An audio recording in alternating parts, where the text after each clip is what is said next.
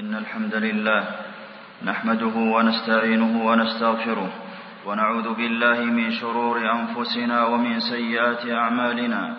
من يهده الله فلا مضل له ومن يضلل فلا هادي له. وأشهد أن لا إله إلا الله وحده لا شريك له. وأشهد أن محمدا عبده ورسوله صلى الله عليه وعلى آله وأصحابه وسلم تسليما كثيرا. أما بعد فاتقوا الله عباد الله حق التقوى واستمسكوا من الإسلام بالعروة الوثقى. أيها المسلمون خلق الله عباده وسخر لهم ما في السماوات وما في الأرض وأسبغ عليهم نعمه ظاهرة وباطنة ليفردوه سبحانه بالعبادة.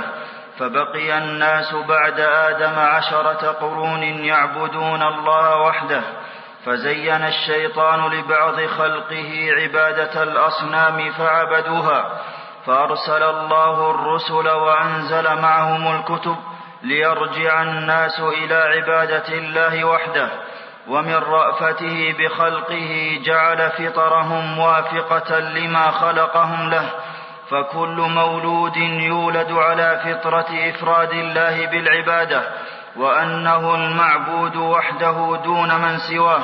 قال عز وجل فطرة الله التي فطر الناس عليها والشيطان يسعى لإفساد فطر الخلق ليحرم العباد من رضا ربهم عنهم ومن النعيم المقيم المعد لهم في جنات عدن.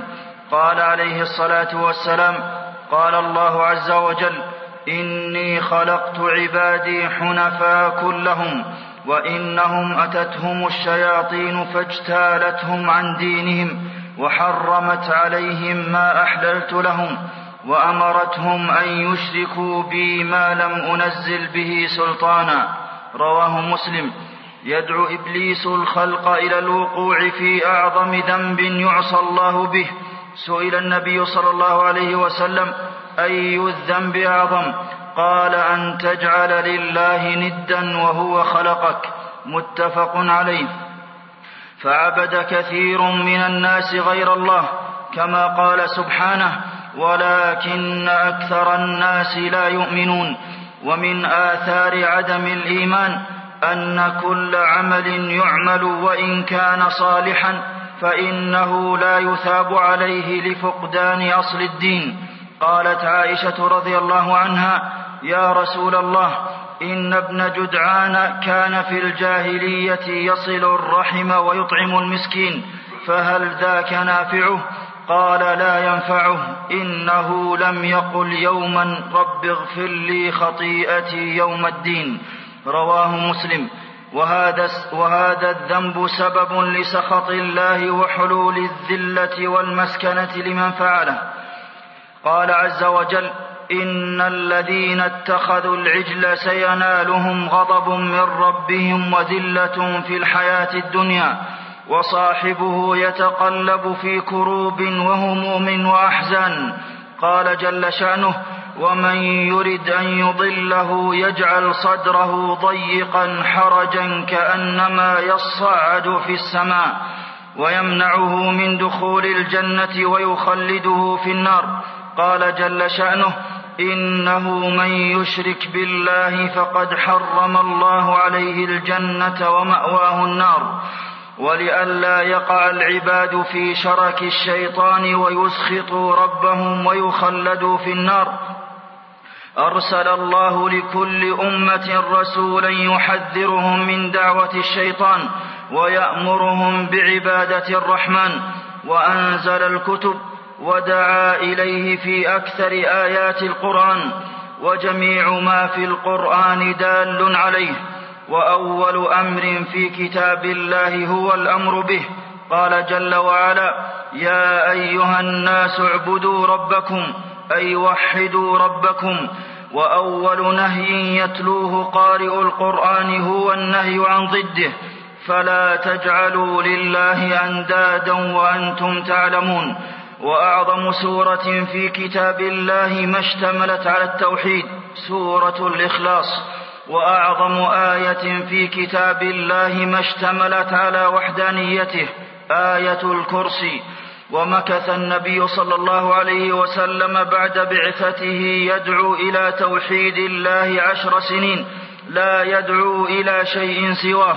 ثم تتابعت عليه الشرائع فكان يدعو إليها مع التوحيد إلى مماته وكان يقول في صباحه ومسائه أصبحنا على فطرة الإسلام وعلى كلمة الإخلاص وعلى دين نبينا محمد وعلى ملة أبينا إبراهيم حنيفا مسلما وما كان من المشركين. رواه أحمد. وكان يستفتح يومه بالتوحيد فيقرأ في ركعتي الفجر بسورتي الكافرون والإخلاص ويختمه به فيقرأ في الشفع والوتر بالكافرون والإخلاص. ووصى به أمته أتى أعرابي إلى النبي صلى الله عليه وسلم فقال دلني على عمل إذا عملته دخلت الجنة. قال تعبد الله ولا تشرك به شيئا وتقيم الصلاة المكتوبة وتؤدي الزكاة المفروضة وتصوم رمضان. متفق عليه. وكان يأمر أصحابه أن يبايعوه على عبادة الله وحده قال عوف بن مالك رضي الله عنه كنا عند رسول الله صلى الله عليه وسلم ثم قال ألا تبايعون رسول الله؟ قلنا فعلى ما نبايعك؟ قال على أن تعبدوا الله ولا تشركوا به شيئا والصلوات الخمس. وإذا بعث الدعاة إلى الامصار يأمرهم أن يبدأوا بالدعوة إلى التوحيد. بعث معاذا إلى اليمن وقال له إنك تأتي قوما من أهل الكتاب فليكن أول ما تدعوهم إليه شهادة أن لا إله إلا الله وأن محمدا رسول الله متفق عليه. وإذا جاءه وفد من الوفود علمهم التوحيد. أتاه وفد عبد القيس فقال لهم ألا تدرون ما الإيمان بالله وحده؟ قالوا الله ورسوله أعلم. قال شهادة أن لا إله إلا الله وأن محمدا رسول الله. الحديث رواه البخاري. وخاف الرسل على أبنائهم اتباع الشيطان بعبادة الأصنام. قال الخليل عليه السلام واجنبني وبني أن نعبد الأصنام والنبي صلى الله عليه وسلم خافه على أمته فقال أخوف ما أخاف عليكم الشرك الأصغر فسئل عنه فقال الرياء رواه أحمد وهو من حق الله على العباد قال عليه الصلاة والسلام يا معاذ أتدري ما حق الله على العباد قال الله ورسوله أعلم. قال حق الله على العباد أن يعبدوه ولا يشركوا به شيئا. متفق عليه. ويقرب العبد من الجنة ويباعده من النار. جاء أعرابي إلى النبي صلى الله عليه وسلم فقال يا رسول الله أخبرني بما يقربني من الجنة ويباعدني من النار. فنظر النبي صلى الله عليه وسلم في أصحابه ثم قال لقد وفق أو لقد هدي. قال كيف قلت؟ قال فأعاد. فقال النبي صلى الله عليه وسلم تعبد الله ولا تشرك به شيئا وتقيم الصلاة وتؤتي الزكاة وتصل الرحم. متفق عليه. ولا سعادة في الدنيا والآخرة إلا به. قال عليه الصلاة والسلام قولوا لا إله إلا الله تفلحوا. رواه أحمد. ومن كانت خاتمته عليه دخل الجنة. قال عليه الصلاة والسلام من كان آخر كلامه لا إله إلا الله عند الموت دخل الجنة. رواه مسلم. ومن مات عليه دخل الجنة ونجا من النار. قال عليه الصلاة والسلام من لقي الله لا يشرك به شيئا دخل الجنة ومن لقيه يشرك به دخل النار. رواه مسلم. وأعمال الموحدين تتفاضل بتفاضل ما في القلوب من الإيمان والإخلاص وأعز ما يملك المسلم هو توحيده لربه وأهم ما عليه حفاظه عليه من البطلان أو القوادح أو النواقص الواردة عليه. قال ابن القيم رحمه الله التوحيد ألطف شيء وأنزهه وأنظفه وأصفاه فأدنى شيء يخدشه ويدنسه ويؤثر فيه فهو كأبيض ثوب يؤثر فيه أدنى أثر. وكالمرآة الصافية جدا أدنى شيء يؤثر فيها. والله عز وجل أوحى لرسله أنه إن وقع منهم شرك حبطت أعمالهم فكيف فكيف بغيرهم؟ قال جل شأنه ولقد أوحي إليك وإلى الذين من قبلك لئن أشركت ليحبطن عملك ولتكونن من الخاسرين. ولذا خاف الخليل عليه السلام من الشرك فدعا ربه وهو يبني الكعبة واجنبني وبني أن نعبد الأصنام. وإذا كان الخليل عليه السلام يخشى على نفسه من الشرك فغيره أولى. وتعليم الأبناء أصل دينهم وسؤالهم الدائم عنه هو نهج الرسل. يعقوب عليه السلام وهو في نزع الروح يسأل أبناءه عن توحيدهم أم كنتم شهداء إذ حضر يعقوب الموت؟ إذ قال لبنيه ما تعبدون من بعدي؟ قالوا نعبد إلهك وإله آبائك إبراهيم وإسماعيل وإسحاق إلها واحدا ونحن له مسلمون.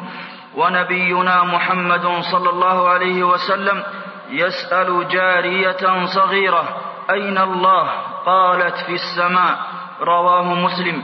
ومدارسة كتب الاعتقاد السليمة وملازمة حلق أهل العلم من أسباب الثبات على الدين. قال عليه الصلاة والسلام تركت فيكم ما إن تمسكتم به لن تضلوا. كتاب الله وسنتي رواه مسلم. قال الشيخ محمد بن عبد الوهاب رحمه الله أهم ما عليك معرفة التوحيد قبل معرفة العبادات كلها حتى الصلاة والدعاء على الثبات على الدين سبيل الأنبياء. قال يوسف عليه السلام توفني مسلما والحقني بالصالحين. وتعظيم توحيد الخالق وإدراك أهميته والبعد عن الشبهات من أسباب الهدى. أعوذ بالله من الشيطان الرجيم. فاعلم أنه لا إله إلا الله واستغفر لذنبك وللمؤمنين والمؤمنات والله يعلم متقلبكم ومثواكم. بارك الله لي ولكم في القرآن العظيم. ونفعني الله وإياكم بما فيه من الآيات والذكر الحكيم.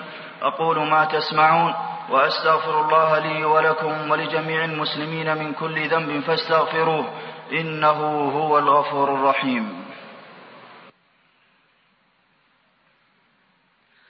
الحمد لله على إحسانه والشكر له على توفيقه وامتنانه وأشهد أن لا إله إلا الله وحده لا شريك له تعظيما لشأنه وأشهد أن نبينا محمدا عبده ورسوله صلى الله عليه وعلى آله وأصحابه وسلم تسليما مزيدا. أيها المسلمون التوحيد أعظم ما تزكو به النفوس ولا يتحقق إلا بالكفر بجميع ما يعبد من دون الله وهو معنى الشهادة. قال عليه الصلاة والسلام من قال لا إله إلا الله وكفر بما يعبد من دون الله حرم ماله ودمه وحسابه على الله. رواه مسلم. ومن حقق التوحيد فرجت كروبه ونال رضا ربه وقبلت أعماله وضوعفت أجوره وكانت حياته طيبة وغفرت ذنوبه ودخل الجنة بغير حساب ولا عذاب ولا نعمة أعظم من نعمة الدين والثبات عليه. ثم اعلموا أن الله أمركم بالصلاة والسلام على نبيه. فقال في محكم التنزيل إن الله وملائكته يصلون على النبي. يا أيها الذين آمنوا صلوا عليه وسلموا تسليما. اللهم صل وسلم وبارك على نبينا محمد وارض اللهم عن خلفائه الراشدين الذين قضوا بالحق وبه كانوا يعدلون. أبي بكر وعمر وعثمان وعلي وعن سائر الصحابة أجمعين وعنا معهم بجودك وكرمك يا أكرم الأكرمين. اللهم أعز الإسلام والمسلمين وأذل الشرك والمشركين ودمر أعداء الدين. واجعل اللهم هذا البلد آمنا مطمئنا وسائر بلاد المسلمين. اللهم إنا نسألك تحقيق التوحيد. اللهم إنا نعوذ بك أن نشرك بك شيئا ونحن نعلم ونستغفرك لما لا نعلم. اللهم إنا نسألك التوفيق والسعادة في الدنيا والآخرة. اللهم اصرف عنا الفتن ما ظهر منها وما بطن. اللهم جنبنا وذرياتنا عبادة الأصنام. يا ذا الجلال والإكرام. اللهم أنت الله لا إله إلا أنت. أنت الغني ونحن الفقراء. أنزل علينا الغيث ولا تجعلنا من القانطين. اللهم اغثنا. اللهم اغثنا. اللهم اغثنا. ربنا آتنا في الدنيا حسنة وفي الآخرة حسنة وقنا عذاب النار. اللهم وفق إمامنا لهداك واجعل عمله في رضاك ووفق جميع ولاة أمور المسلمين للعمل بكتابك وتحكيم شرعك يا ذا الجلال والإكرام. عباد الله إن الله يأمر بالعدل والإحسان وإيتاء ذي القربى وينهى عن الفحشاء والمنكر والبغي يعظكم لعلكم تذكرون. فاذكروا الله العظيم الجليل يذكركم واشكروه على آلائه ونعمه يزدكم ولذكر الله أكبر والله يعلم ما تصنعون